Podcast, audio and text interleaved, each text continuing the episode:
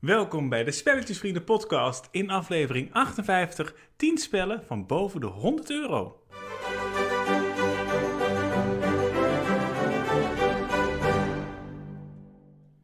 Het is vandaag wel een uitzending voor de luxe poezen. Ja, ja, nou ja, kijk, ik wil eigenlijk wel een top 10 maken met juist weinig geld, dat weinig geld kost. Maar toen zag ik dat we dat vorig jaar al hadden gedaan op YouTube. Dus als je dat leuk vindt om te kijken, op YouTube staat een eh 10 spellen onder de 15 euro. Kijk, de vraag is, is dat nu nog steeds onder de 15 euro? Waarschijnlijk niet. Niet. Nee. Maar ik dacht dat is misschien ook leuker voor de feestdagen om daar een keer een geüpdate versie van te maken. En toen dacht ik, ja maar wat nou als je hele dure spellen neemt, echt de duurste spellen die er zijn. Dus ik heb in onze eh, website heb ik gefilterd op boven de 100 euro. Zo zo. En ik was dan benieuwd, wat komt er dan boven en is dat het waard? Dus vandaar. Nou, daar gaan we vandaag naar kijken. Ja. Ik heb eerst nog even wat koetjes en kalfjes. Want ik merk dat ik een fobie heb. En om daarmee te beginnen, eh, heb jij, waar gaat het op dit moment over in jouw bubbel? Als je op social media zit, wat zijn dingen die op dit moment belangrijk zijn in jouw bubbel? Japanse huizen met Ja. high-tech. Oké, Ik zit in een, eh, ik zit in de smart home bubbel. ja. En eh, ja, volgens mij is het ook één bedrijf hoor. Ik weet niet welk bedrijf, want ik kan geen Japans lezen. Maar ehm, één bedrijf van, en dat zijn dan, de, de, de clue is elke keer, er komt een hele rijke Japanse vrouw thuis.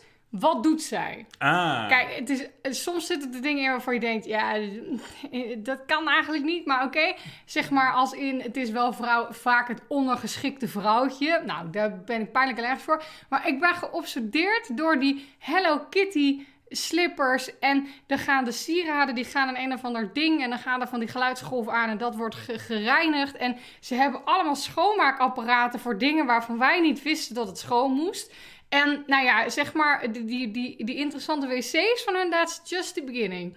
Dus ze dan, dan ze trekt een of ander apparaatje uit de keuken en dan doet ze daar wat in. En dan wordt dat uit zichzelf eten. Ik vind het fascinerend. nou heel erg leuk. Bij mij gaat het over iets heel anders. Het gaat aan de ene kant, als ik op YouTube open, dan ga ik altijd kijken naar Puzzle Guy. Dat is echt een aanrader. Puzzle Want guy. dat- Puzzle Guy is iemand die allemaal van die escape room-achtige puzzels oplost. Dus die heeft dan een puzzel voor zich, bijvoorbeeld, wat je ook wel eens... eh, Zo'n nou houten kistje. Ja, zijn houten kistje. Ja. En de vraag is, hoe moet hij dan open? Ja. Nou ja, en dat zijn dan 100 miljoen varianten. Dat is interessant. Maar in mijn nieuwsbericht Maar gaat oh, het... oh, oh, oh, gaat dit hij te ze snel? open? Ja, tuurlijk. Hij krijgt ze altijd open. Je moet gewoon even kijken. Ja. Maar waarom weet ik hier van het bestaan niet af? Je hebt me dit nog nooit verteld. Nee, dit klopt. Dat doe ik nu live in de podcast. Dus Want wij hebben een paar van die dingen in de webshop. Ja. Van, die, van die Sherlock Holmes-achtige, de pijp van Sherlock Holmes en weet ik veel wat.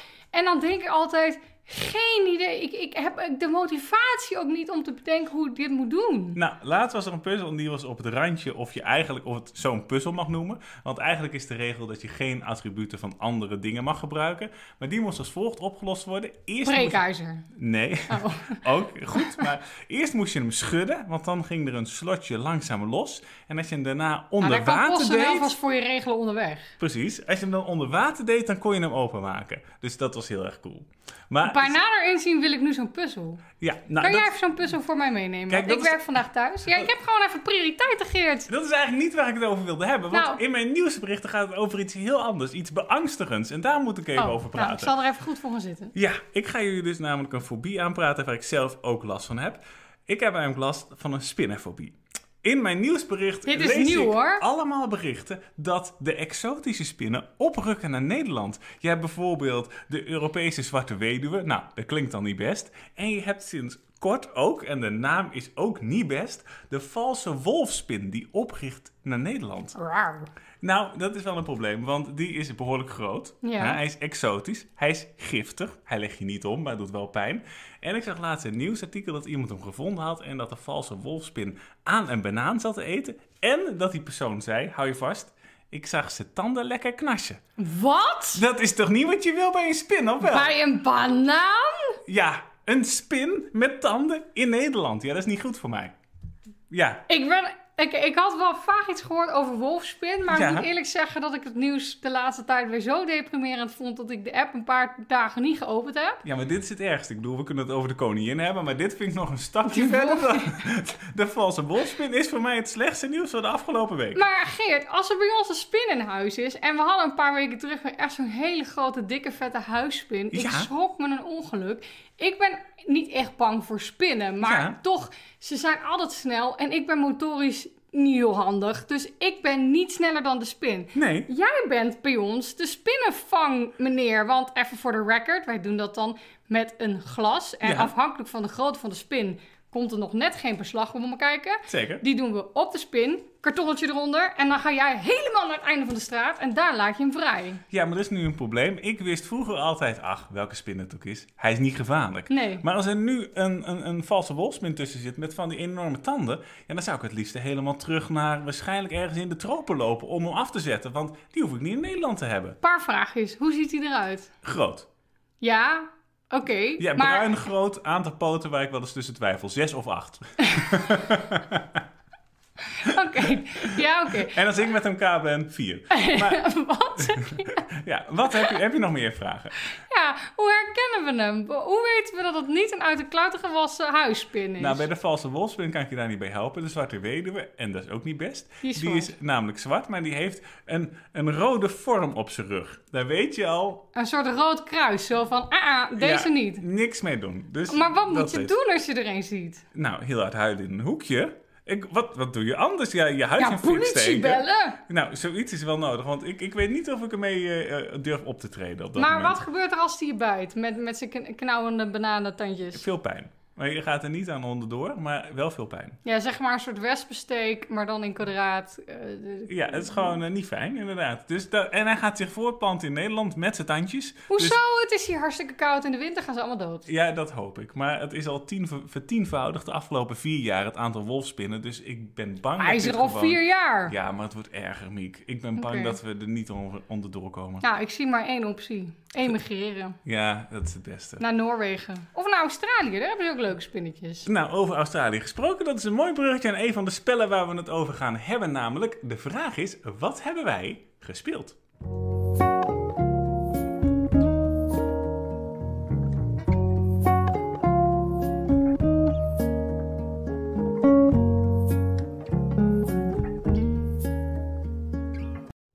Ja, wij hebben dus misschien dan die wolfspin. Maar in Australië, ja, ik durf het niet te zeggen, niks tegen Australië. Maar daar hebben ze het gewoon tot een paar keer toe niet heel handig aangepakt. Nee, ze hebben daar volgens mij een konijnenplaag. Er is Ja. vast nog een andere plaag.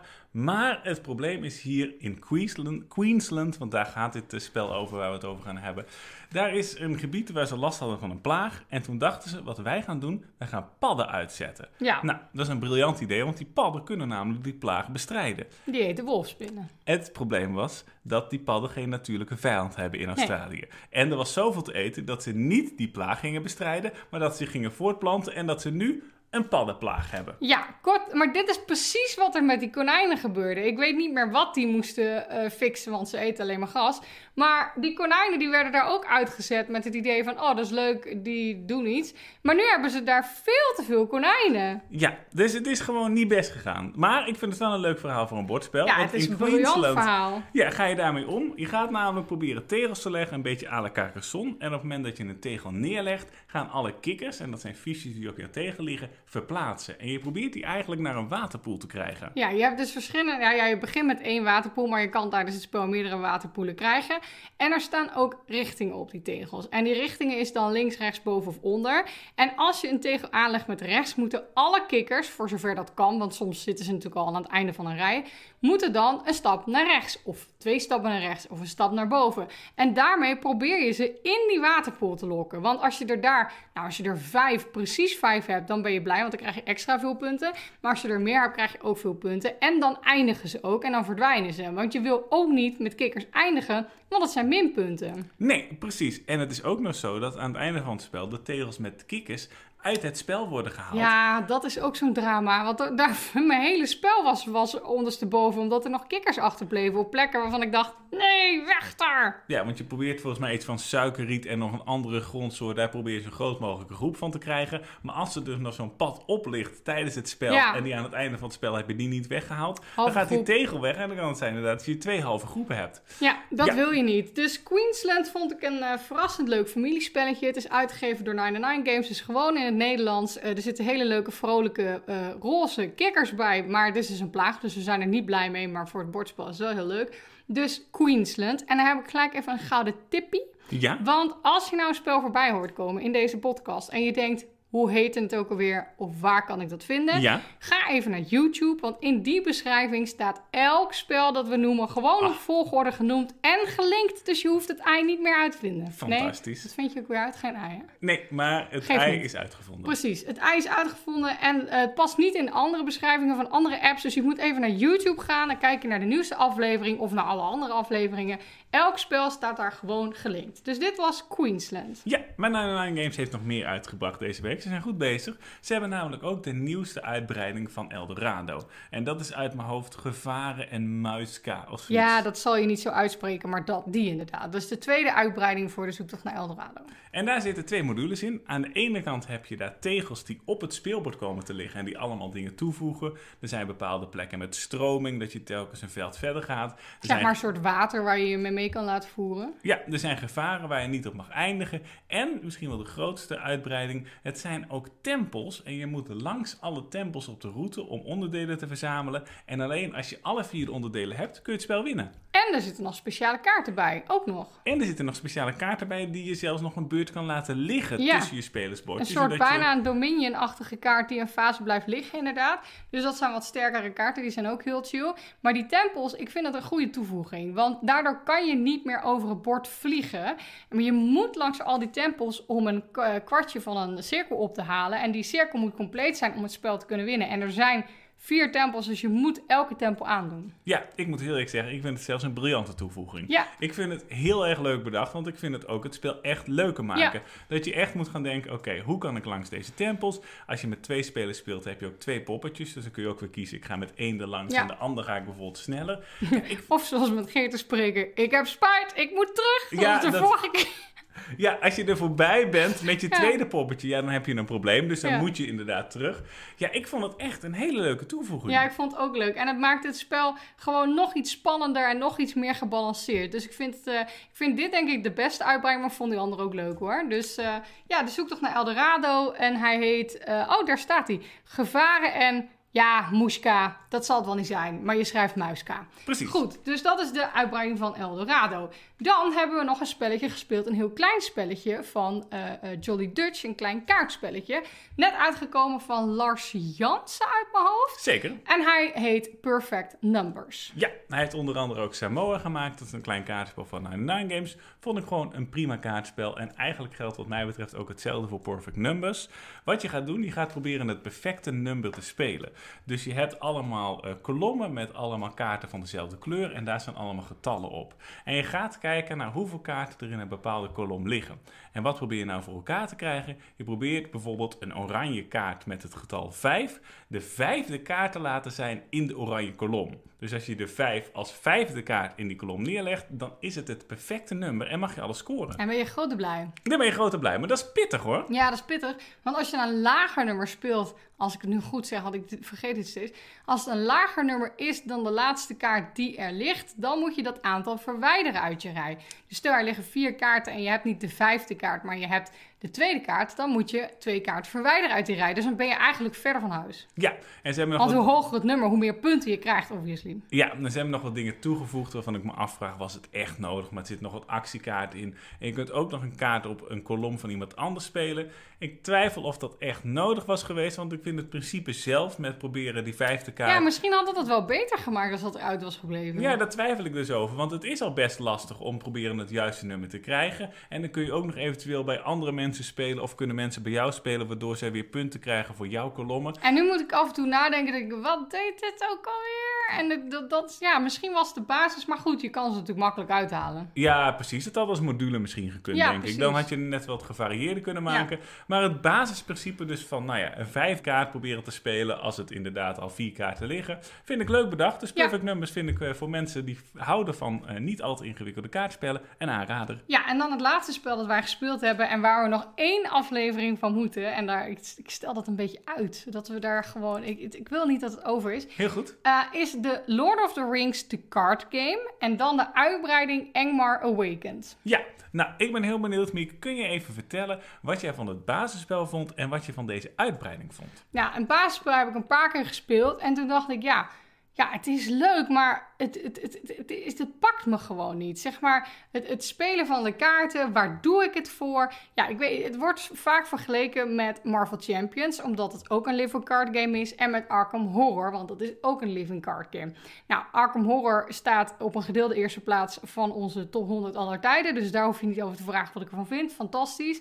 Marvel Champions vind ik ook super goed. Maar Lord of the Rings pakte me gewoon niet. Ik heb ook niet heel veel met Lord of the Rings.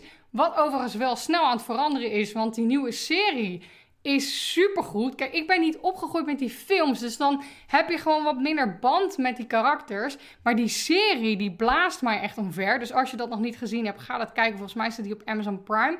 Echt fantastisch. Dus dat helpt heel erg. En daardoor was het extra leuk dat we dan nu in die campagne zitten. Maar deze campagne, die voegt alles toe wat ik miste aan het spel. Namelijk een steengoed verhaal. Gewoon, je hebt nu door wat je aan het doen bent en waarom je het aan het doen bent. En nu, ja, met deze campagne vind ik echt super leuk. Ik ben het helemaal met je eens, want alle scenario's zijn net weer verschillend. De ene keer probeer je iets, iets vrij te spelen, de andere keer moet je gewoon een vijand verslaan. ja, maar er is wel een doorlopend verhaal. Want het zijn dus, vraag me niet waarom, negen afleveringen, niet tien, maar negen. En ze hebben allemaal verschillende moeilijkheidsgraad. En uh, wij hebben nu inmiddels onze karakters. Ik ben een elf die heel erg goed kan ontdekken. En jij bent een dwerg, een dwergfamilie eigenlijk, want je hebt meerdere helden onder je beheer. Die heel goed kan vechten. En we zijn nu heerlijk op elkaar ingespeeld. Dus nu gaan we gewoon elke keer bam, bam, bam, bam. Gaat supergoed. Ja, gaat supergoed inderdaad. Ik ben het helemaal met je eens. Ik vind het echt een briljante uitbreiding. Wat je zegt, het verhaal is goed te volgen. Je, aan het begin van elk scenario moet je een stuk lezen. Een beetje à la Gloomhaven is dat. Ja. Dus bij Arkham Horror heb je telkens dat je wat tussenstukjes hebt. Hier heb je dat je aan het begin wat leest en aan het einde. En nou ja, dat is gewoon lang genoeg om wel interessant te zijn, het verhaal. Maar het is niet te lang dat je telkens denkt, ja, nou gaan we nog eens beginnen. En de spellen die duren ook niet eindeloos. Want het, afhankelijk van het scenario doen wij er met z'n tweeën ongeveer een half uur tot een uur over. Ik moet zeggen, de meeste doen er wel een uur over. Hoor. Maar we hebben nu een paar keer een scenario gehad wat heel snel was.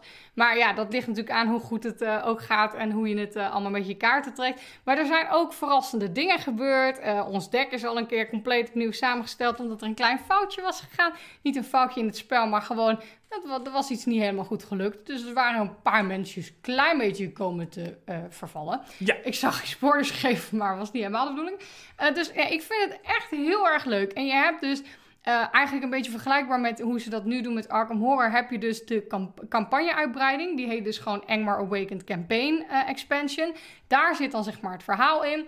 En je hebt dan ook nog de, volgens mij noemen ze het hier de Hero Expansion. En je, in principe hoef je die niet per se toe te voegen, want je kan het ook spelen met Heroes uit het basisspel of een van de andere uitbreidingen. Maar dat is wel leuker natuurlijk. Ja, vind ik ook, want dan heb je wat meer variatie. En je hoeft dat niet bij elke uitbreiding te doen, want op een gegeven moment heb je wel genoeg kaarten, dus dat is niet nee, per se nodig. Nee, dat moet je wel doen, want je wil gewoon toch weer nieuwe helden. Ik doe dat wel, ja. Als je een oneindige bankrekening hebt, dan misschien wel, inderdaad. Maar het is, ja... Als, als dit je baan is en je moet er wat over kunnen zeggen, dan misschien wel, ja. Zeker. Maar het is gewoon een dikke aanrader. Heb je het kaartspel van Lord of the Rings nog niet geprobeerd, doe dat zeker. En als je over het basisspel een klein beetje twijfelt, probeer op zijn minst één campaign expansion, want dat voegt gewoon een hele hoop toe. Ja, en wij gaan dus mee, dit heb ik al vaak verteld, maar op die nieuwe uitgaves. Dus uh, nu zit alles zeg maar in één doos. Dat maakt het gewoon een stuk betaalbaarder en een stuk leuker. En veel minder plastic, waar we ook heel blij van worden. Zeker. Dus, uh, Engmar Awakened was dat. Ik vond het echt super leuk. Gaan wij naar de volgende rubriek in deze podcast. Of niet? Jazeker wel. Oh, ik wel, ben ja, met je ik denk je wil nog wat zeggen. Nee. En dat is de mechanisme. Ja, we gaan eens even kijken naar verschillende lagen van het mechanisme.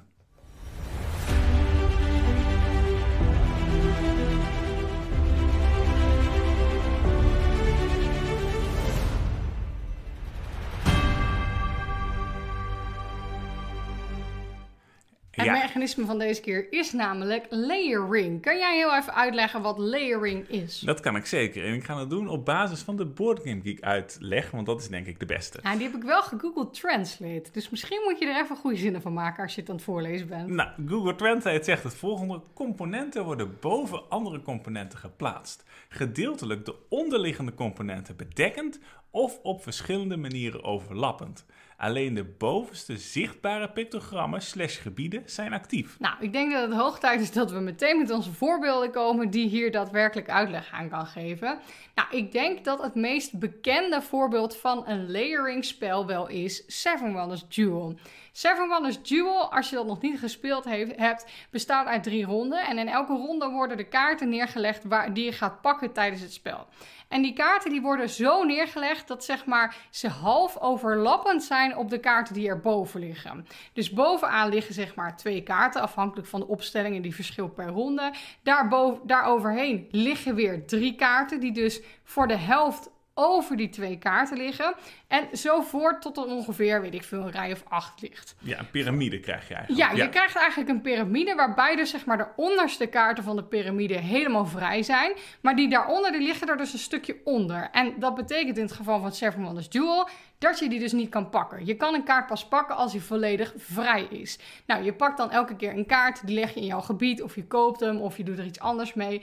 En dan ontstaat er op een gegeven moment dus, als je bepaalde kaarten weghaalt, ontstaan er nieuwe kaarten die vrij zijn van een laag hoger uit de piramide. Ja, nou, je hebt het in meer spellen. Phil Walker Harding doet het ook wel eens vaker. Je hebt bijvoorbeeld Gingerbread House van hem. Dat is een Ja. tegenlegspel waar dat in gebruikt wordt. Hij doet het ook in een ander spel, namelijk in Lamaland. En Lamaland is een heel vrolijk spel van 99 Games... waarbij je lama's gaat plaatsen en je gebied steeds verder gaat uitbreiden... door van die tegels neer te leggen. En het leuke is dat je hier ook eigenlijk ja, een soort bergen kan krijgen. Je Ja. kunt landschaptegels bovenop elkaar plaatsen. Dat geeft weer een bepaald voordeel. Dus daarom is het, ja, kijk je eigenlijk naar de bovenste laag van zo'n berg aan tegels. En die geeft bijvoorbeeld aan wat er op een landschap te vinden is. Ja, dat is inderdaad wat je bij Lama Land, maar ook bij Gingerbread House doet. Eh, waar je het ook hebt, is bijvoorbeeld Meadow. Dat is zo'n beetje de hit van vorig jaar. Meadow is een spel eh, waarin je je eigen ja, meadow gaat samenstellen. Dus een, een, een wat is dat in het Nederlands? Een, een, Een weide. heiland. Ja, weide is Een weide, ja. Een weide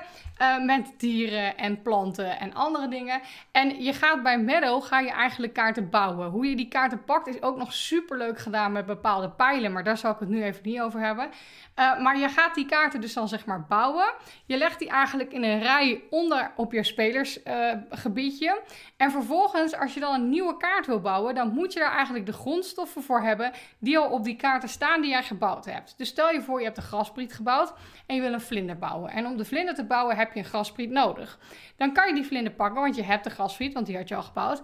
En dan moet je die vlinder bij Menno moet je die over de graspriet leggen, zeg maar zo half eroverheen. Dan is de graspriet dus niet meer zichtbaar, dus die heb je niet meer als zijnde grondstof. Maar de vlinder heb je gebouwd en die heb je nu wel. En daar kan je dan weer betere kaarten mee bouwen. Nou, zo maak je dus allemaal kolommen eigenlijk bij Meadow en bouw jij je mijn eigen Meadow op. Ja, dat is super leuk gedaan. Ja. En die uitbreiding die komt bijna, hè? Die komt bijna. Ja, waarschijnlijk als de podcast online staat, is in ieder geval de Engelse uitbreiding in pre-order beschikbaar. Ja, Dus klopt ja, want die ga ik vandaag toevoegen namelijk. Ja, dat snap ik. Maar ik vind het grappig dat, kijk, als je zo'n spel speelt, dan denk je, oh ja, leuk, dit zit allemaal leuk Ja. samen. Maar als je dan naar specifieke mechanismen gaat, dan ga je echt denken van, nou, wat is dit leuk bedacht eigenlijk. Ja. Bij Meadow ook. En, en nu tegenwoordig zijn mechanismen vaak onderdelen van spellen. Vroeger had je, dit is een taalplacement game, punt. Zeg maar, Carcassonne, daarna, daar zit misschien ook nog wel meer bij, maar voornamelijk zeg maar taalplacement game. En tegenwoordig is een spel een beetje taalplacement, een beetje worker placement, een beetje, weet ik veel, eh, deckbuilding. Het zijn de combinaties van allerlei dingen. Maar layering vind ik zelf altijd wel echt een heel leuk en soepel spelend mechanisme. Helemaal mee eens. Een spel waar het voor een heel klein onderdeel in zit, is Smartphone Inc. En daar gaat namelijk over het, ja, het verkrijgen van de acties. Je hebt daar twee tegels met daarop allemaal symbolen. En op die symbolen staan eigenlijk acties die je uit kan voeren tijdens de ronde. En je moet die over elkaar heen leggen. Je moet ze minimaal met één vak over elkaar heen leggen, dat je een soort L-vormachtig iets krijgt. En op het moment dat je dat gedaan hebt, dan geeft dat aan, dat symbool geeft aan wat voor acties je uit kan voeren. Dus als je er bijvoorbeeld wat meer over elkaar in legt, dan kan het zijn dat je minder symbolen en minder acties hebt, maar net wel de acties die je wil. Dus dat is gewoon een leuk mechanisme. Dat layering zit daarin alleen om de acties te selecteren. Ja, dat is natuurlijk ook wel bij meer spellen gedaan. Ik kan zo even geen voorbeeld noemen, maar er zijn er wel meer. Maar dat is inderdaad ook wel leuk, want dan moet je altijd iets wat je ook wil, moet je dan ook verstoppen, zeg maar. Je moet Ja. altijd moet je concessies doen eigenlijk. En Smartphone Inc. is sowieso altijd wel een origineel spel waarin je dus eigenlijk je eigen smartphone imperium gaat opbouwen. Dus eh, ja, als je weer op zoek bent naar een spel met een origineel thema, zou je daar ook eens naar kunnen kijken. Maar dat is layering. Hebben we toch weer wat geleerd deze podcast? Zeker weten. Ik noem het ook altijd infotainment, onze podcast. Zeker, want dat is zeker. het gewoon. Ik bedoel, XL condolianse kaarten, dat wil iedereen versturen. Een wolfspinnende wil je alles over weten. Precies. Goed, dit was Zoals we alles... met grote grijpgrage klauwtjes in een banaan zitten. Ja, daar word je niet blij van. Er is ook Nee. een filmpje van trouwens. Dus als je er alles over wil weten, ga het kijken. Maar misschien als je vannacht wil slapen, kijk het niet. Ik, ik heb vanochtend nog een banaan gegeten, Geert. Ja, ik durf dus- nu nooit meer bananen te eten. We gaan door naar het volgende thema. En dat gaat over Die de hebben ze niet in die Japanse smart homes, hè, die wolfspinnen. Want dan is gewoon alles super clean in die, die apparaten gestopt. Ja, precies. Misschien Dus moeten we emigreren naar Japan. ik vind het een interessant land, maar ik denk niet dat We ik er kan Hello aarden. Kitty fan worden Ik dan. kan daar niet aarden. Hoezo kan jij daar niet aarden? Omdat ik daar Er is gewoon... geen sushi. Nou, ik ben daar veel te nuchter voor, denk ik. Ik Ja. weet niet. Ja, ik ben gewoon... nou, ik- ze werken daar wel hard. Wat dat betreft kunnen we daar prima aarden. Zeker waar. Maar ik, ik, ik ben, voel me wel echt een Nederlander. Jij niet? Ja, ik voel me ook... Ja, ja, dat, ja ik zou... Nou, ik... kijk, Oké, even storytime tussendoor. Ja, ik zou, soms denk ik wel... Oh, ik zou wel eens een tijdje ergens anders willen wonen. Bijvoorbeeld een half jaar in Amerika gewoon. Om daar dan zeg maar niet op vakantie te zijn... maar gewoon echt het gevoel hebben dat je daar woont. Maar ik zou... Denk ik, ja, of het zou Noorwegen moeten zijn of zo. Een land waar ze zeg maar ook goed op orde hebben en waar ze ook gewoon een goede gezondheidszorg hebben. En waar je niet zorgen hoeft te maken dat je een of andere verzekering niet hebt en, en, en, en doodgaat. Omdat je Ja. niet kan betalen. Ja. Nou ja, ja, Noorwegen lijkt me ook wel interessant. Dan heb je Ja. altijd winter. Ja, en daar kosten de zakken chips 5 euro. En dat is nog toen ik er was, en dat was ver voor de inflatie. Ja, dat kan ik ook niet handelen. Nee, en ik zag daar laatst een filmpje over dat, dat mensen, als het zeg maar heel erg diep winter is, dat het zo Mhm. koud is, dat mensen de auto aan laten staan als ze bijvoorbeeld naar een café gaan, omdat die anders niet meer aangaat. Oh ja, dan krijg je, ja precies. Nou, dat wil je met de huidige gasprijzen, kun je dat ook allemaal niet handelen als je alles de hele tijd aan moet laten staan. Kijk, ik heb er niet zoveel voor over om de wolfspin te ontwijken, moet ik heel eerlijk zeggen. Heb je al gezien hoe ik erbij zit nu? Wat dan? Ja, je hebt een, een dekentje over Ik je heb een dekentje. Ja, Ja. want eh, ik heb, eh, gisteren heb ik de, de melk over mijn slofjes heen gegooid. Dus mijn slofjes die moeten in de wasmachine. Dus nu heb ik een beetje koude voetjes. Dus nu heb ik van die warme sokjes en een dekentje. Nou, we zijn, Nou moet ik zeggen, de verwarming staat niet aan hier. we zijn de helft van de luisteraars kwijt. Ja, dus wij gaan snel door naar de Random Game Generator. Als ik, als ik nu dan goed op het knopje... Ja, moet je wel klikken. Ja. ja.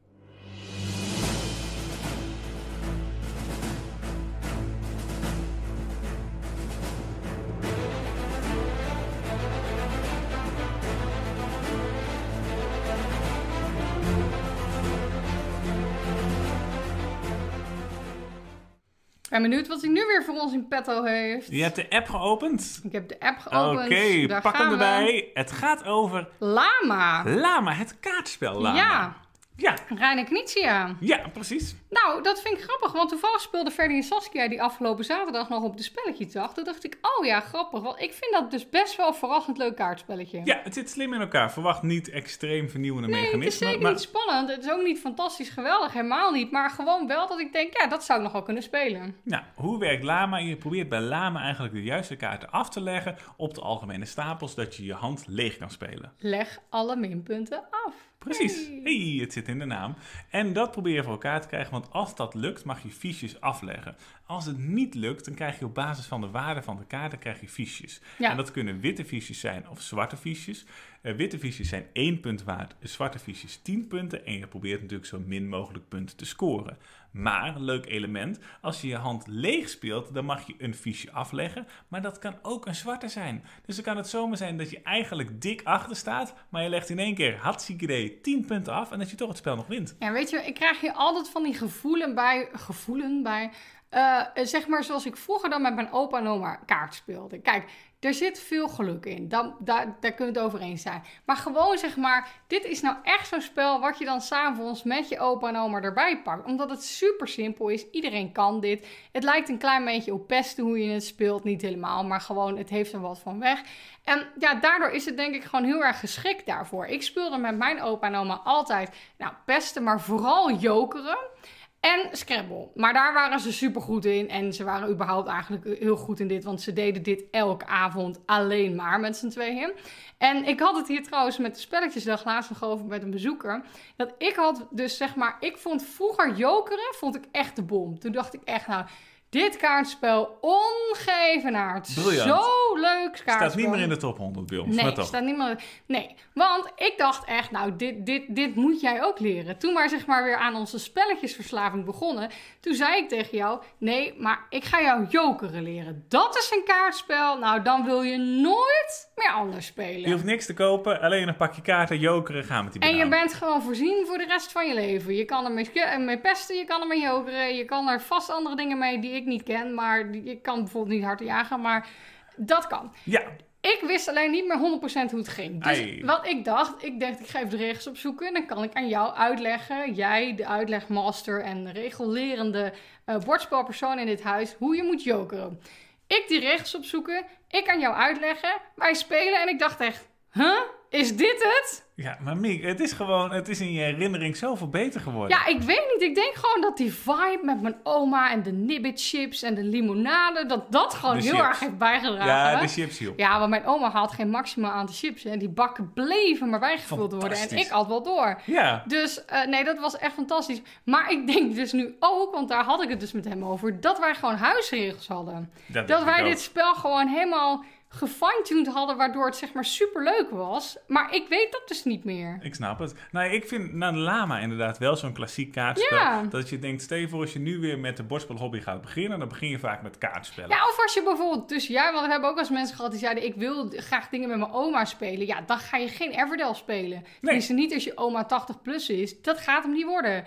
Dus dan, dan moet je dit soort spelletjes gaan spelen. Ja, en tien jaar geleden begon je dan met Saboteur. Dat kan natuurlijk nog steeds. Maar ik denk als je kijkt naar een wat nieuwe kaartspel... Ja. wat een beetje dezelfde mensen aanspreekt... namelijk beginnende bordspelspelers... is Lama echt een aanrader. Ja, precies. Dus pak die nibbit chips erbij, want dat is wel essentieel onderdeel met oma's. Ja. En dan eh, ga lekker je gang, zou ik zeggen. Goed, eh, dat was in ieder geval alles over de Random Game Generator. Komt nu een klein reclameblokje tussendoor. Ik ben benieuwd welke je erbij pakt. En daarna gaan we verder met de wishlist.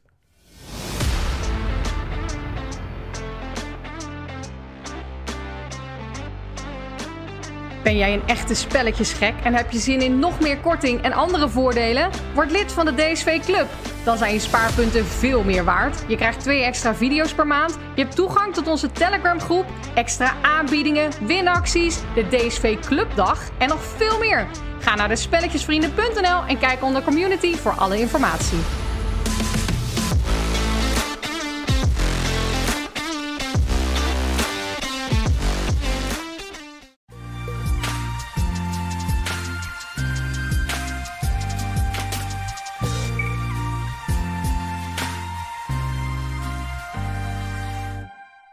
Ben je er al overheen?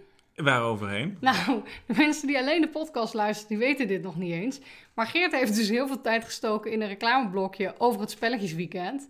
En toen was het spelletjesweekend in drie uur uitverkocht. Ja, en toen dachten we, we doen nog een editie, want we kunnen tenminste die reclame laten zien waar Ja. zoveel tijd in zit. Het was namelijk echt een superleuk liedje. Ik vond hem zo catchy. We hebben hem één keer kunnen laten horen. Nou, dus mocht je nou nog niet gehoord hebben, luister even de vorige podcast, Ja. daar zit hij tenminste wel in. Eh, de wishlist gaan we het over hebben. En het spel op de wishlist is Star Wars The Clone Wars. Ja, die heb ik er dus opgezet, omdat het dus een Star Wars spel is. Nou, ik heb niet heel veel met Star Wars, maar ik vind het wel heel leuk. Maar gewoon niet, ik ben niet per se een enorme Star Wars fan of zo. Maar dit is dus eigenlijk een pandemic spel. Maar wel echt anders, heb ik het idee. Maar het heet volgens mij officieel Star Wars The Clone Wars A Pandemic System, heet het geloof ik. Nou, ik ben gewoon heel benieuwd. Is dit voldoende vernieuwend? Of is dit, ehm, eh, ja, is, is dit gewoon net niet? Nou, bedoel, we hebben natuurlijk al Pandemic Wrath of the Witch. Of de Lich King inderdaad, van... eh, The World ja, of Warcraft World of. Warcraft, ja, zeker. Ja, vonden wij die voldoende verschillend? Hebben we nog niet gespeeld. Dat kunnen we niet punt. zeggen. Maar eh, Star Wars The Clone Wars, dat gaat over het volgende. Door kruis- en melkwegstelsel waar iconische Jedi-helden de bekende gameplay-mechanismen van de Pandemic-serie in Star Wars The Clone Wars gebruiken. Nou, ik heb een vermoeden. In plaats van ziektestenen hebben we nu eh eh stormtroopers. Ik, dat zou zomaar kunnen. Die liggen je waarschijnlijk veel makkelijker van het bord af dan die ziektestenen, want die kunnen natuurlijk heel slecht schieten. Ik hoop dat ze net zo goed zijn als in de film. En dat we ze gewoon altijd raken. En dat ze gewoon bij bosjes omvallen. Nou, belegerde planeten bevolken het speelbord, terwijl spelers de rol op zich nemen van legendarische Jedi die van strijd naar strijd reizen, samenwerkend en vechten tegen de separatistische bedreigingen. Gevechtsdroids vallen aan op zicht en een planeet die door... Nou ja, eh, ik zie dat dit ook waarschijnlijk door de Ja, Google dat is een Translate... Google Translate. Ja, ja, zeker. Die Oh, je is hebt heb je het wel nagelezen eigenlijk? Nee. Je hebt het niet, je hebt het niet nagelezen? Ah, nee. Nee, maar oké, maar... Wel toen ik... misschien ook niet toen ik het op de site zette, bedenk ik me nu. Ja, Nou. ik was gisteren was ik ook niet helemaal bij de tijd. Ik snap het. Nou, het is niet te lezen bijna. Nou, maar je moet... geeft niet. Ik kijk er vandaag nog eventjes. Daarom. Je moet in ieder geval gaan samenwerken om de aanval van de, de droids het hoofd te bieden. En je moet naar de ruimte gaan om daar gevechten te gaan en dobbelstenen te gooien en kaarten te gebruiken om schade aan te richten aan de bad guys. Tussen de gevechten en de bewegingen van planeet naar planeet vecht je dus tegen droids, verpletter je blokkades en probeer je missies te voltooien om de oorlog te kunnen winnen. Kijk, als ik het goed begreep, zitten er vier missies in. Nou, dan vraag ik me al af, is dat herspeelbaar? Weet ik niet. Waarschijnlijk Mhm. Wel. van wel. Ja, waarschijnlijk is er gewoon een bepaalde situatie met een opstelling van, van stormtroopers, denk ik. En ergens een Darth Vadertje tussendoor. Zeker. Die je dan moet gaan verslaan. Maar ik hoop dus dat dit spel solo kan. En dat je dan hand speelt. Oh ja, Hoe tof zou... Als ze dat niet gedaan hebben, zou echt gemist zijn. het zou wel echt een teleurstelling zijn inderdaad. Maar dat hoop ik inderdaad ook. Ik bedoel, Pandemic Solo lijkt me op zich best een leuke puzzel eigenlijk. Ja, precies. En als je hem niet solo kan doen, dan hoop ik gewoon dat alle fantastische legendarische helden erin zitten. Dan wil ik Lea zijn. Ik denk het wel. Dus ik moet zeggen, kijk, ik vind Pandemic een prima en leuk spel. Er zijn voldoende varianten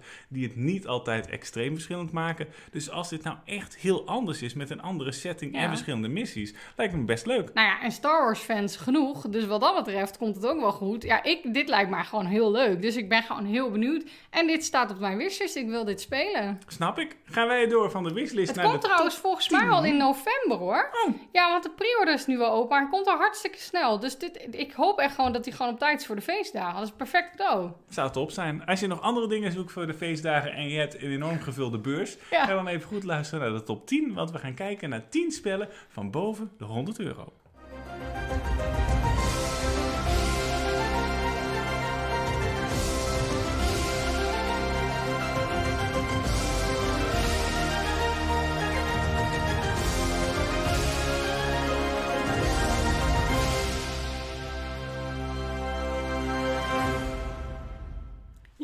Als je nou denkt, ik heb echt geld te veel, wat moet ik nog met mijn geld? Of als je denkt, zijn deze spellen het geld waard? Dan moet je naar deze top 10 luisteren. Ja, want dat is denk ik de belangrijkste vraag. Is het wel zoveel geld waard? Ja, En als we 100%. beginnen met de nummer 10, Aeon's End Legacy of Greyfold. Dat is het nieuwe deel van Aeon's End Legacy. Een legacy spel waarbij je telkens ja, nieuwe elementen vrijspeelt en het spel steeds uitgebreider maakt. Om die vraag te beantwoorden, is het het waard? Wat mij betreft 100% wel. Ja, en ik moet eerlijk zeggen, ik heb hier nu Legacy of Gravefold opgeschreven, maar ik heb niet meer opgezocht wat nou de eerste kost. Ja, Of die is ook- onder de 100 euro. Ah, het is, vandaar, ja, ja. Het is prijziger geworden door het tweede deel en alle inflaties. Ja, dat snap ik. Maar er zit wel zoveel in deze doos. Er zitten hier eigenlijk twee verschillende verhaallijnen in. Enorm veel enveloppen, enorm veel doosjes, extreem veel kaarten. Ik snap wel dat dit boven de 100 euro is. Ja, ja dat, ja, dat snap ik ook 100%.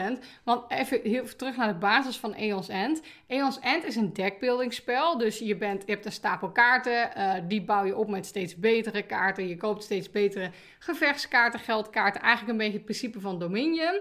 En eh, als je die kaarten aflegt, dan maakt het heel erg uit hoe je ze aflegt. Want als namelijk je trekstapel op is, dan ga je niet schudden en een nieuwe trekstapel creëren, maar dan draai je je aflegstapel om. En alles wat dan bovenop ligt, oftewel hetgeen wat jij het eerst gespeeld hebt, ligt dan bovenop. Ja, inderdaad. Extreem leuk mechanisme, wat alleen voor zover ik weet in Aeon's End zit. Ja. Het is gewoon briljant bedacht. En Dus- dit is dan dus de legacy versie. En een legacy spel betekent eigenlijk gewoon dat je blijvende veranderingen aan het spel toevoegt. Dus in het geval van stickers plakken, extra kaarten, et cetera.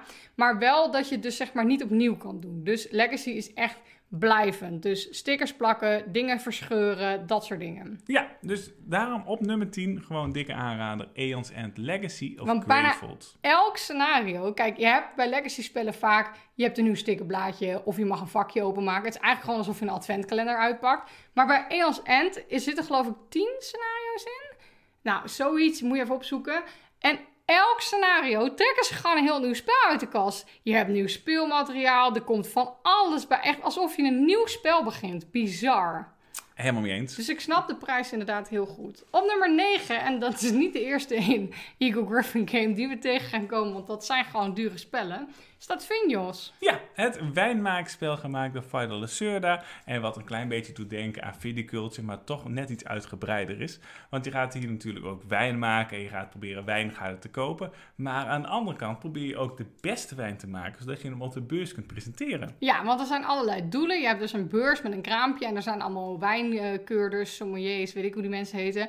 En die willen dan specifiek. Ze willen bijvoorbeeld eh, heel graag rode wijn drinken eh, van jaar 7, weet ik veel. En als jij dat dan aanbiedt, krijg je meer punten dan wanneer je een witte wijn van jaar 3 aanbiedt. Ja, en de vraag is, is dit spel nou echt rond boven de 100 euro waard?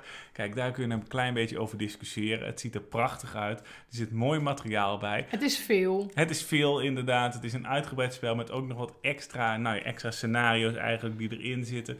Dus eh, de discussie kun je hebben. Kijk, in Eos End Legacy zit meer materiaal. Hier is het maar die net kan je wel maar één keer doen. Ja, en hier is het net wat mooier uitgegeven. Dus je moet het zelf een beetje bepalen. Het is wel meer dan viticulture. Ja, en wat ik er niet bij heb gezet, heel veel van deze spellen, daar hoort dan achter deluxe. Ja, Want het, het, tegenwoord is wel dat de niet-deluxe is er niet. Dus Nee. er is alleen maar de deluxe versie. Maar het gaat wel allemaal om extra dik materiaal, extra mooi eh, materiaal, mooie tokens, et cetera.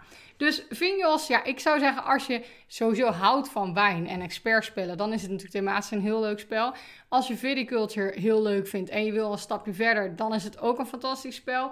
En als je het een keer wil uitproberen, kom gewoon een keer naar Doetinchem. Hij ligt er nu nog niet, maar hij komt er wel aan. En überhaupt, als je een spel wil spelen waarvan je niet weet of die er ligt, of je weet het wel als je naar de lijst hebt gekeken, maar je weet dat wij hem hebben en je wil hem toch proberen, stuur even een berichtje, want dan nemen we hem voor je mee. Uiteindelijk komen ze er allemaal heen, maar we willen ze eerst zelf allemaal een paar keer goed spelen. Dus eh, tot zover Vinjos. Dan op nummer 8 weer een Lord of the Rings spel, maar dit keer dus niet de card game, maar het bordspel. En dat heet Journeys in Middle-earth. ja, toen wij het kochten was het spel volgens mij nog zo'n 80 euro. Maar het Ja. is de laatste tijd behoorlijk veel duurder geworden. En Ja. nu uit mijn hoofd 105 euro. En de vraag om even daarmee te beginnen, is het het waard? Nou, als je alleen het basisspel koopt, denk ik niet, want er zitten iets van 12 scenario's in. Maar je kunt in de app kun je al een uitbreiding kopen, volgens mij voor 7 euro, die nog meer scenario's toevoegt.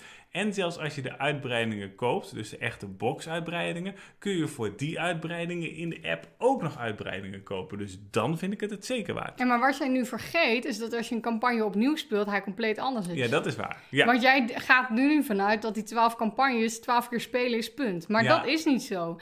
Je begint in de app een campagne, waardoor je zeg maar het verhaal doorloopt. Maar als die is afgelopen, kan je gewoon opnieuw beginnen. Of je kan met twee eh, partijen of meer partijen tegelijkertijd spelen. En wat nou het knappe is, en waar, ik achter ben gekomen... Nou, ik wist het al wel, maar ik wist niet dat het zo erg was. Laatst speelde eh, een groep mensen speelde dit spel op onze spelletjesdag. En die kwamen iets tegen waardoor ze dachten, ja, wat is dit? Dus die hadden daar een vraag over. Maar ik had dat nog nooit gezien. Nee. Want als jij dezelfde campagne opnieuw begint, kom je hele andere mensen tegen. Beland je in hele andere situaties. Het is eigenlijk gewoon alsof je opnieuw bent begonnen. ja, dat je is komt hele andere mensen tegen. Er, er is iets heel anders gaande. Dus je kan gewoon opnieuw beginnen en is het weer anders. Ja, dat is zeker heel sterk gedaan inderdaad. Want je, kunt, je hebt twee verschillende borden. Dat is ook nog Ja. een leuk element aan dit spel. Je hebt eigenlijk een ontdekkingsbord waar je telkens tegels toevoegt. En waarbij het eigenlijk het speelbord steeds groter wordt. Maar je hebt ook nog een gevechtsbord. Dat zijn twee vierkante borden. En sommige scenario's spelen op de ene af. En sommige scenario's spelen op het andere bord af. En dat zorgt wel voor lekkere variatie. Dat je aan de ene kant echt een wat langer spel hebt waarbij je veel ontdekt. En aan de andere kant heb je meestal wat kortere spellen die zich op een kleiner bord afspelen. Ja, en het is dus verder ontdekking. Dus je gaat erin en je, je krijgt elke keer een doel. Je moet een bepaalde ork afmaken. Of je moet iets vinden en ergens naartoe brengen. Of je bent op zoek naar een of andere specifieke toren. Dat soort dingen. Eh, dus dat is Journey, eh, Lord of the Rings Journeys in Middle-earth. Wat mij betreft zeker het geld waard.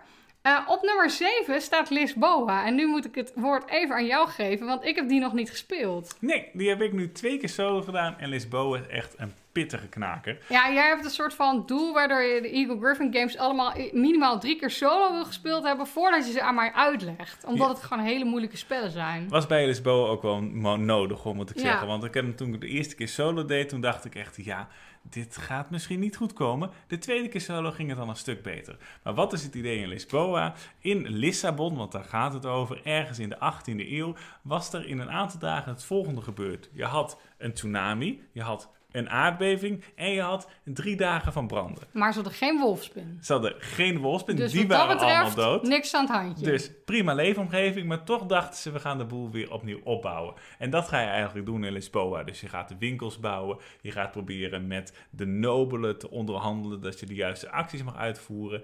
Er zitten heel veel dingen in, want je moet eerst al kijken waar je de kaart wil spelen. En daarna moet je kijken welke actie je uit wil voeren op basis van de kaart die je gespeeld hebt. Ja, maar jij hebt dit aan mij uitgelegd als zijnde... er zijn vier acties. Als je die actie kiest, zijn er drie onderdelen. Als je één van die onderdelen kiest, zijn er veertien mogelijkheden. Ja, nou, ik kan het even in, in vogelvlucht uitleggen. Dan Ja. weet je een beetje hoe pittig het is, Ja. maar je hoeft het nog niet te begrijpen. Ik ga er weer even goed voor zitten. Nou, als je aan de beurt bent, dan heb je vier mogelijkheden. Je Ja. kunt een kaart spelen aan de bovenkant van je spelersbordje. Je kunt een kaart spelen aan de onderkant van je spelersbordje. Je kunt een kaart spelen op het speelbord. Daar heb je twee mogelijkheden. Als je speelt op het speelbord, dan kun je de acties van de nobele uitvoeren. Of je kunt ook de actie van de kaart uitvoeren. Actie van de kaart is telkens verschillend. Dus dat moet je even telkens goed opzoeken. Goed, keuze 1 heb je gedaan. Als je dan bij je spelersbordje gespeeld hebt, heb je twee mogelijkheden. Je kunt goederen verkopen of je kunt een van de zes nobelacties uitvoeren. Als je hem op het speelbord gespeeld hebt, heb je ook twee mogelijkheden. Je kunt dus de actie van de kaart uitvoeren of de zes nobele acties die ik net al even genoemd heb. En daarnaast ook de grote actie die bij elke nobele hoort. Nou ja, als je zes nobele acties hebt uitgevoerd, helemaal top. Dan moet je daar goederen op neerleggen en alle acties zijn net wat verschillend. Als je dus de hoofdactie van een nobel uit wil voeren, dan mag je eerst één van de zes nobele acties uitvoeren.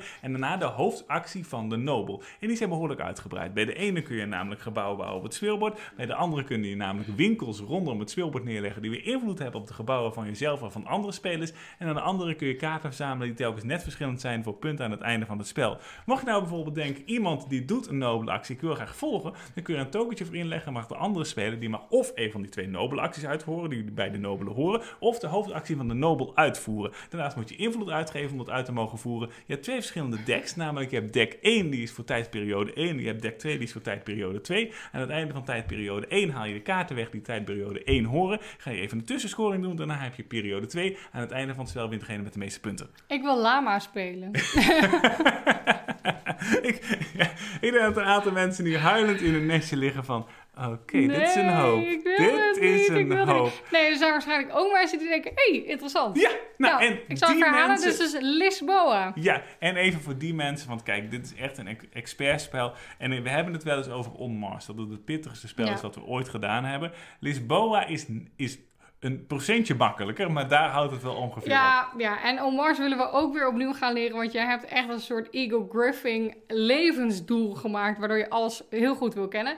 Maar je snapt waarom Geert hem een paar keer solo wil doen voordat hij hem aan mij uitlegt. En ik ben dan waarschijnlijk wederom degene die huilend in het hoekje zit. Dus ik heb dan ook nog een potje of tien nodig voordat ik ongeveer begrijp wat er gaande is. Ja, dat is dit, bij dit wel nodig. Laatst was wel iemand op het bezoek die zei: Ja, ik hou echt van expertspellen. Dus ik wil echt minimaal anderhalf uur eh, speelmateriaal en een regelboek van minimaal 30 pagina's. Nou. Kijk, als je ook zo bent, is Lisboa denk ik een van de betere spellen die je kan hebben. Ego-griffing games is je man. Ja, dus daarom op nummer 7 Lisboa. Op nummer 6 een ander spel van Ego Griffin Games. Maar die heb je al wel gedaan. Dat Ja, is namelijk keer. Kanban. Ja, Kanban EV. En dat is een, een, een spel over een autogarage. Je gaat allemaal auto's ontwerpen. Je gaat eh, een soort van eh, de, de plan, de, de, bl- de blueprint zeg maar, van de auto ga je verzamelen. Dan ga je grondstoffen verzamelen om de auto mee te maken. Die ga je inzetten en dan moeten ze over de test track. Dus dan moeten ze getest worden op goedheid. Vervolgens kan je nog upgrades uitvoeren, zoals bijvoorbeeld een navigatiesysteem. En dat alles met het doel om Sandra tevreden te stellen. Ja, want Sandra loopt die door, die loopt door de fabrieken en Ja. eigenlijk is die niet heel blij hoor. Die Nee. Heeft echt wel een keer een uitje nodig. Die is want denk ik een keer gestoken door een wolfspin. Ik denk het ook, want het enige wat zij doet is als het verkeerd is zeggen, oké, je verliest een paar punten. Als het goed is, zegt ze niks, dan Nee. oké, prima. Ja, ja maar is, het is echt niet mijn vrouw hoor. nee, en dan ook nog aan het einde van een aantal rondes gaat ze nog even een vergadering doen en moet je presenteren wat je gedaan hebt. Ja, die manier van werken, ik vind er wat van. Ja, dus je moet wel even tegen wat minpunten kunnen, want die krijg je sowieso. Maar Kanban EV, ja, als je het hebt over is het het geld waard, het materiaal wat erin zit en hoe het speelbord eruit ziet, prachtig. Ja, en ik vind het ook gewoon, ik heb hem pas één keer gedaan, dus ik kan er nog niet te veel over zeggen, maar ik vind het echt een goed spel. Ja, helemaal mee eens. Dus ik denk, nou ja, zeker de 100 euro waard. En wederom voor de expertspelers. Is maar niet zo moeilijk als Lisboa. Nee, het is gewoon een expertspel wat als je bijvoorbeeld, ik noem maar wat, Terra Mystica speelt, dat Ja. niveau, dan gaat Kanban helemaal goed komen. Ja, precies. Dus Kanban EV. Op nummer 5, en dan geef ik wederom het woord aan Geert, want daar hebben we weer een Eagle Griffin Games. The Gallerist. Jij bent hier heel enthousiast over. Ik ben hè? hier heel enthousiast over. Dit is namelijk solo, is dit briljant. Met meer spelers denk ik ook. En het thema is ook nog eens heel leuk. Je gaat namelijk proberen artiesten, kunstenaars te ontdekken. Je probeert werk daarvan in te kopen voor een lage prijs. Daarna probeer je ze te promoten, dat het werk steeds meer waard wordt. En daarna pas ga je, als het werk in de galerie heeft gehangen, ga je het verkopen met dikke winst. Er zijn in principe zijn er maar acht acties. En daarnaast zijn er ook maar vier locaties waar je die acties uit kan voeren. Wat een verbetering. Ja, dus dit is echt een stuk makkelijker hoor dan, uh, dan Lisboa. En als je op een actie staat, dan heb je dus twee acties waar je uit kan kiezen. Ja, Dus- dan gaan we alweer. Nee, maar het valt mee. Dus er Oh, zijn, het blijft maar bij die acht acties. Hoe moeilijk is het? Het is makkelijker dan Kanban. Het is denk ik misschien wel de makkelijkste Vital Asserta die je kent. Oké. Dus wat dat betreft maar eh, dat moet doet dus niks komen. af aan de goedheid, Het doet blijkbaar. niks af aan de goedheid, want het is gewoon A, een heel erg leuk thema. Ik kom uit een, een kunstenaarsfamilie waar ik zelf heel weinig vanaf weet, maar ik vind het wel leuk om zeg maar, te kijken hoe dat gaat met het handelen in kunst. Ondanks dat mijn ouders niet per se handelen in kunst, maar een beetje die setting eh, ken ik wel. En ik vind gewoon, ja, het is, het is niet te ingewikkeld. Je hebt veel variatie, omdat alle doelen die je kunt scoren telkens net weer wat anders zijn. Je hebt ook nog verschillende kunstenaars die in het spel kunnen zitten, wat voor variatie zorgt. Dus ja, gewoon een heel goed spel. En wat maakt deze solo-versie dan zo goed? Dat die zo simpel is. Want het enige wat je bij de, de, de tegenspeler doet eigenlijk... is hem naar een andere locatie eh, verplaatsen... en daarna wat dingen weghalen. Dus het is echt in één seconde de actie van de andere speler gebeurd. Je hoeft ook niet per se van die speler te winnen... maar je moet proberen aan een aantal stappen te voldoen... en daarna een aantal punten te halen. Dus stel je voor als je aan het einde van het spel... eh, van deze stap alle stappen gehaald hebt... en je hebt minimaal 90 punten... dan win je het spel. En maar dat is wel fijn. uitdagend genoeg. Het is echt uitdagend genoeg, want ik heb nog niet gewonnen. Oh, Dus eh, dat is wel ja, heel goed. ja, The Oké. Gallerist. The Gallerist, ik ben heel benieuwd. Dat is een spel, ook van Eagle Griffin Games, niet van Final Lacerda. En ik heb hem al wel heel vaak gespeeld en ik vind hem fantastisch. Rococo, of Rococo, moet je volgens mij zeggen. Ja, dit spel is zo goed. Ja, en het is het echt heel materiaal is zo mooi. Ja, want dit is echt een... Ik heb die... Oh, de Gallerist trouwens ook, want daar zitten van die mini-ezeltjes Ja. in en zo. Maar Rococo is dus een spel over de tijd, de Roco- Rococo-tijd. Dus de tijd van Bridgerton, baljurken, eh, rijke mensen, die willen allemaal faam, die tijd. Nou, en het speelt zich af eigenlijk in het kasteel van de koning. En jij bent als speler ben je een kleermaker. En jij probeert zo mooi mogelijke jurken te maken voor de mensen die dus naar bal gaan in het paleis van de koning. En die jurken kan je of verkopen voor geld, dat zal je vooral aan het begin doen, of je gaat ze eigenlijk zeg maar echt tentoonstellen, dus echt door mensen laten dragen in het kasteel. En je doet dit nou naar aanleiding van een heel origineel kaartensysteem. Je hebt allerlei kaarten eh, in je hand. Eigenlijk gewoon alle kaarten die je bezit. En daar mag je drie kaarten uit kiezen elke ronde. En met die drie kaarten ga je het spel spelen. Maar die liggen dan natuurlijk daarna wel op de aflegstapel. Dus de keer daarna heb je keuze uit alles wat er overblijft. Dus je moet heel goed kiezen welke kaart ga ik inzetten. Die kaarten die zijn brons, zilver of goud. En dat stellen jouw werknemers voor. Nou, ze zien er ook super mooi uit hoor. Maar dat is de waarde van je werknemer. Bronswerknemers, die kun je stoffen laten kopen, dat soort dingen. Maar die kan je niet naar de koning sturen of naar de koningin sturen met een mooie jurk. Goudwerknemers zijn de beste en zilveren die kunnen nou, ongeveer de helft van alle acties. Zo moet je eigenlijk in gaan zetten. En wat zijn dan acties? Nou, je gaat grondstoffen verzamelen. En dat zijn stoffen, maar ook bijvoorbeeld stukjes kant en garen. Super mooi 3D-materiaal die, die dat weergeven. Je gaat uiteraard de jurken zelf maken. Je gaat nieuwe werknemers aannemen, want je wil natuurlijk zoveel mogelijk van die gouden werknemers, want die kunnen alle acties uitvoeren. Je gaat eh, dus eh, jurken naar het paleis sturen en dan maakt het nog uit in welke kamer je ze legt en op welke eh, variatie en welke kleur. Je kan eh, bijdragen aan versieringen om het paleis eh, mooier te maken. Dat is eigenlijk gewoon geld betalen en dat levert je wat op. Eh, soms alleen punten aan het einde van het spel, maar soms ook betere inkomsten aan het einde van de ronde. En je kan bijdragen aan het vuurwerk. En het vuurwerk dat wordt helemaal aan het einde van het spel afgestoken. En dan de, de, de mensen met de mooie jurken die in de balkonkamer staan, dat is dus dan een hele goede kamer. Die mogen dan naar het vuurwerk gaan kijken. En dan krijg je daar dubbel zoveel punten of zelfs driedubbel zoveel punten voor. Ja, het is echt een heel goed spel. Het is gewoon Bridgerton en een bordspel. Ik heb het al vaker gezegd, maar ik blijf er ook bij. En, en die hebben wij zelf nog niet eens gedaan. Want even voor de, de hamvraag, is het het geld waard? Nou, Het is sowieso een te gek spel. Het is helemaal niet heel moeilijk hoor. Ik zou het een beginnend expertspel willen noemen. Dus het is eh, wel van Eagle Griffin Games, maar het is niet zo moeilijk. Uh, zeker niet zo moeilijk als Disboa. Een beetje tapestry moeilijkheid denk ja, ik. Ja, een beetje tapestry moeilijkheid inderdaad. Dus dat, dat is alvast fijn, want dan is de doelgroep groter.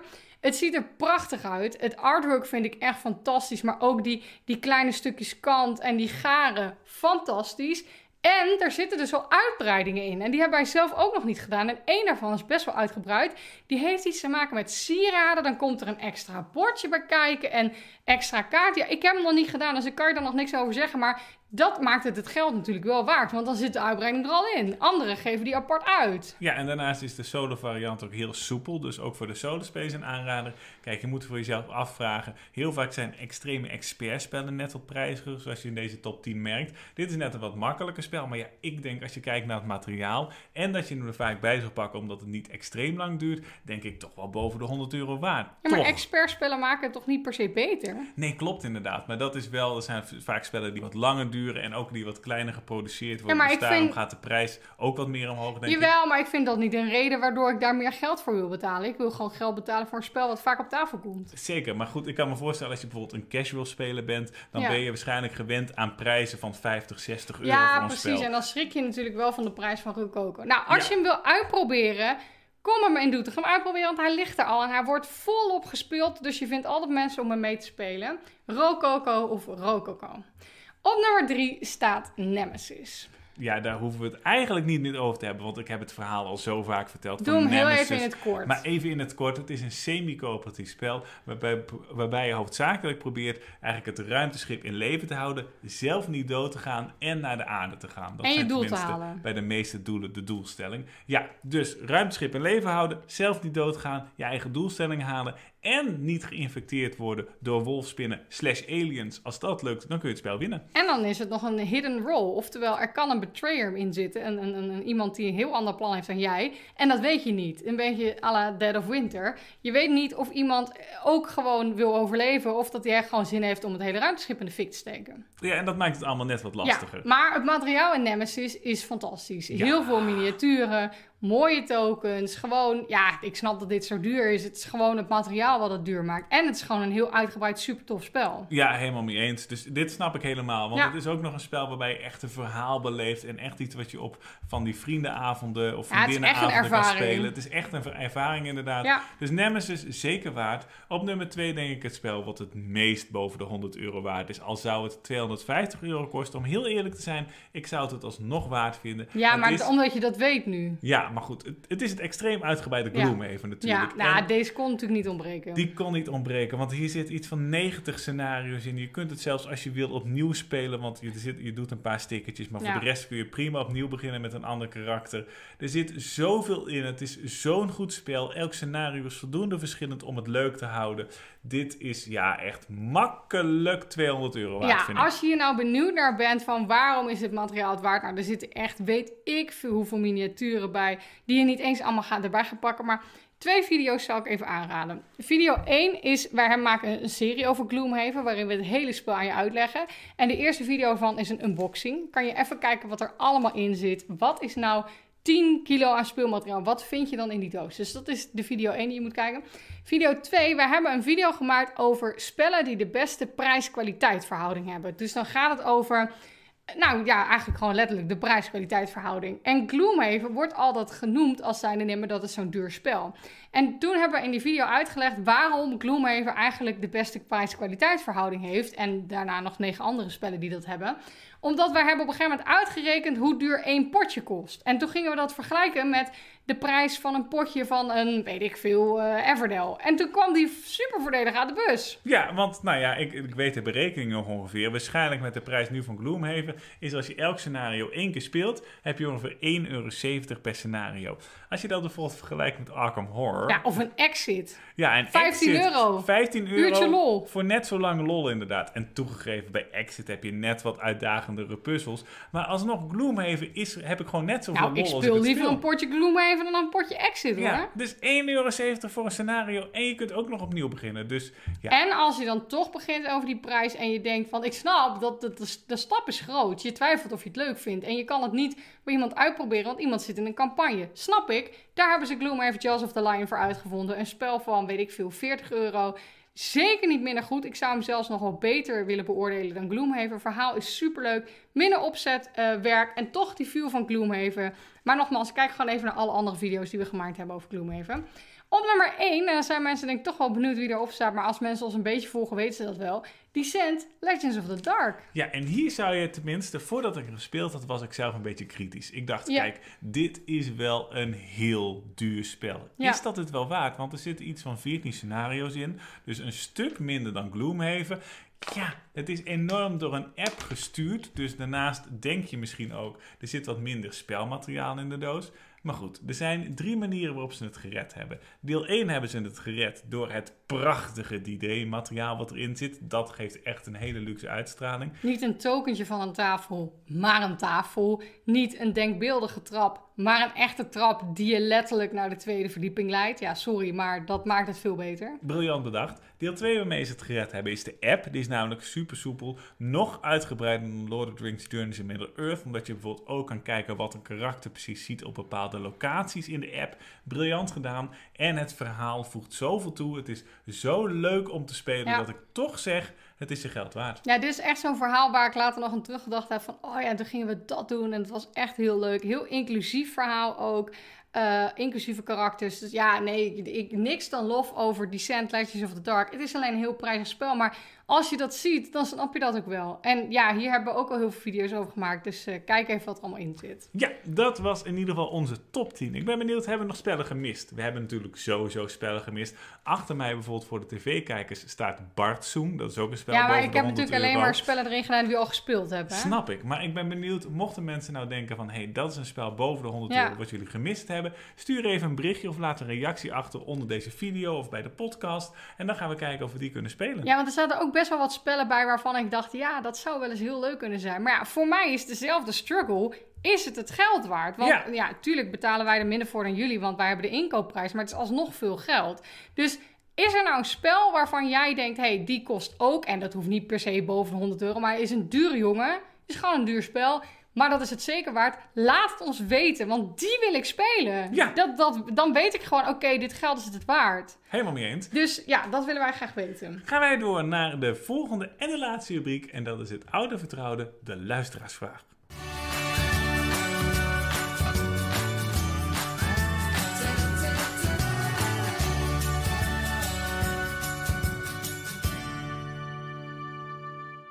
Ja, ik zal ze even voorlezen, want het zijn twee eh, vragen van Matthijs en Marieke. En die vragen die waren bijna hetzelfde. Dus ik heb ze eventjes samen gebundeld als zijnde... Ze waren blijkbaar heel geïnteresseerd in hetzelfde. Matthijs vroeg namelijk... Hoe houden jullie Kickstarters in de gaten? Welke sites struinen jullie af? Welke zoektermen gebruiken jullie dan? Etcetera, etcetera. En wat zijn de selectiecriteria om in te stappen? Ben erg benieuwd. Marieke die stuurde, ik heb een luisteraarsvraag. Als jullie Kickstarter zien, hoe bepalen jullie dan of jullie die willen backen? Zijn er bepaalde voorwerpen waar ze aan moeten voldoen? Of gaan jullie af op gut feeling, net als ik? Groetjes, Marieke. Nou, first things first. Hoe komen Kickstarters bij ons op de radar? Of gamefounders natuurlijk, hè? we noemen het nu even Kickstarters, maar Eh, crowdfunding. Twee dingen. eh eh, Board Game Geek kijken we en dan kijken we van, nou, waar hebben mensen het over in de hotness?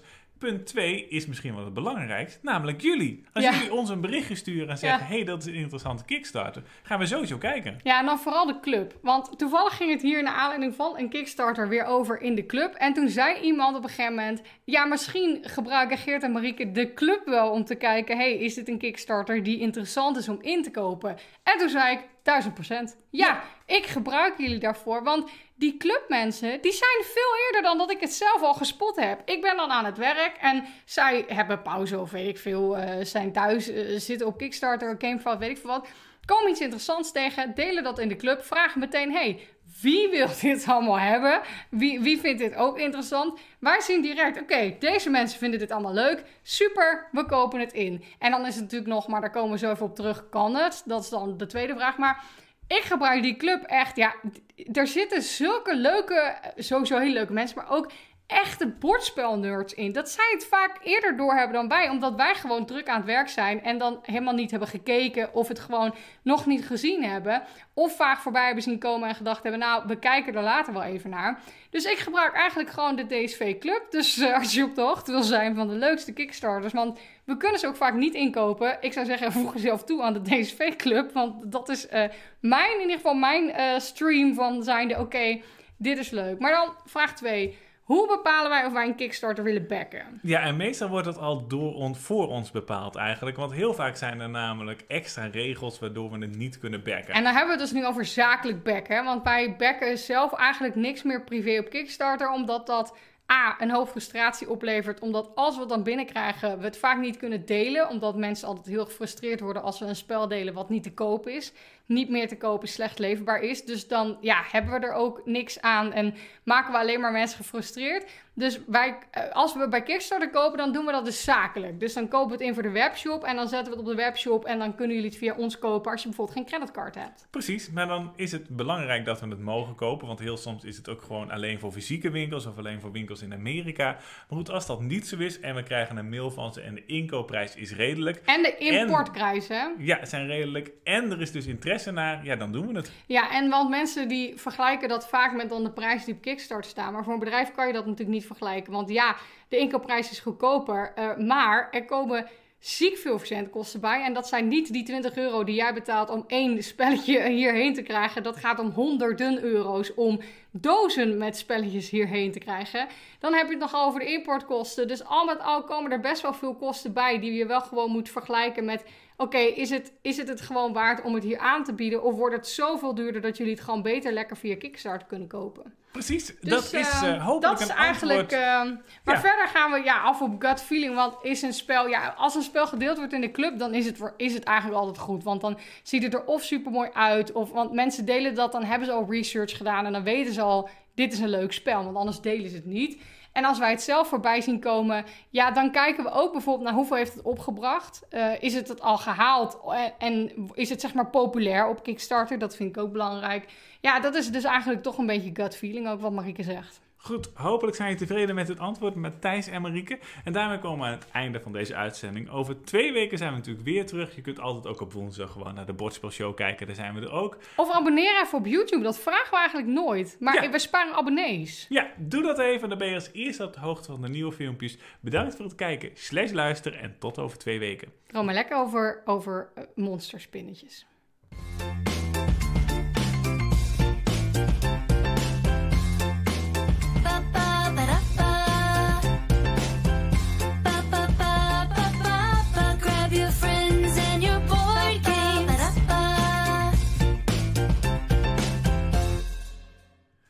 Heb nog even één ding wat ik ook graag wil noemen. Ik heb Ja, namelijk mag soms het Heb je gevoel weer een dat... andere spinnensoort ontdekt? Nee, nee, ik heb soms het gevoel dat de Nederlandse taal niet helemaal voor mij gemaakt is. ik heb namelijk het idee dat er soms woorden missen. Heb Oh, je ja. dat ook wel eens? Nou, ik heb meer wel eens dat als ik dan... eh, we hebben natuurlijk best wel veel contact met Belgen voor de webshop, maar voor leveranciers, klanten, et cetera. En dat zij soms een woord hebben waarvan ik denk, ja, dat is veel logischer. Ja, nou op het moment dat ik zoiets heb, denk ik, weet je wat? Ik maak mijn eigen woord wel. Dus ik heb hier weer één en ik wil hem eigenlijk met dit publiek delen, zodat hij in de wereld terechtkomt. Is dit weer een of ander piemeltje? Nee, nee, nee, dat is Want ik niet. had het gisteren over bordspelpiemeltje. Even bordspelpiemeltje. eh, De broodbakmachine. Mensen maken zich zorgen over broodbakken. Geef ze even een update. Ja, nou, een broodbak... Heb je weer een broodbakpiemeltje gekocht? Ja, mochten mensen denken, waar gaat dit over? Dit gaat over het vliebertje wat in de broodbakmachine zit. Want ja, we de maken zelf dus. ons eigen brood. De deeghaak, Ja. die waren we kwijt omdat we hem weggegooid hadden met een brood dat op Ja. de datum was. Niet heel handig. Maar we hebben weer zo'n nieuw eh, eh, broodhaakje en daarmee Ja. kunnen we dus eindelijk weer brood maken. Ja, dus we zijn weer... Nou ja, jij bent weer aan het bakken. Maar dat, ja, so far het broodbakpiemeltje. Ja, was niet precies wat ik wilde noemen. Nee, wat wil namelijk, eh, ik heb namelijk een nieuw woord wat ik steeds probeer te gebruiken. En dat is een woord voor iets wat nog niet echt iets heeft. Want je hebt namelijk aan de ene kant heb je een oplossing. Maar een oplossing is neutraal, dat woord. Soms als Nee, iemand... dat is positief. Nee, stel je voor... Als, je... Als iemand een oplossing heeft, ben ik blij. Want er is er blijkbaar een probleem. Ja, maar dan kan het alsnog zijn dat je denkt, ja, dit is een oplossing waar niemand heel vrolijk van wordt. Ja, dat heb je is toch ook wel eens? Dan Ja. krijg je een compromis en dan denk je, ja, wat het moet is je een ermee? oplossing, maar word ik er blij van? Ja. Ja, dat is waar. Ja. Bijvoorbeeld Wolfgang Kramer, die kwam erachter dat er problemen waren met het tellen van de punten. Die dacht, hé, hey, ik maak een ronde spoor. Nou, dat is een goede oplossing. ja, die heeft het rondespoor bedacht. Ja, Ja, bijvoorbeeld eh, Klaus-Jurgen Vrede, die dacht, we moeten iets doen met kleine poppetjes in een bordspel. Die bedacht de meeple. Ja, precies. Kijk, En- dat zijn dingen die je wil. Maar dat zijn dus geen oplossingen. In dat geval Het denk zijn ik, uitvindingen. het is geen oplossing, het is een toplossing. Oh, Een betere oplossing, als je denkt, nou mensen, dit is fantastisch. Zeg gewoon, het is een toplossing. Nou, wat is dan jouw favoriete toplossing? Mijn favoriete toplossing is de meeple die ik net genoemd heb. Mhm. Een andere favoriete toplossing is ook het ronde spoor. Ja, Ik heb al twee de beste toplossingen genoemd.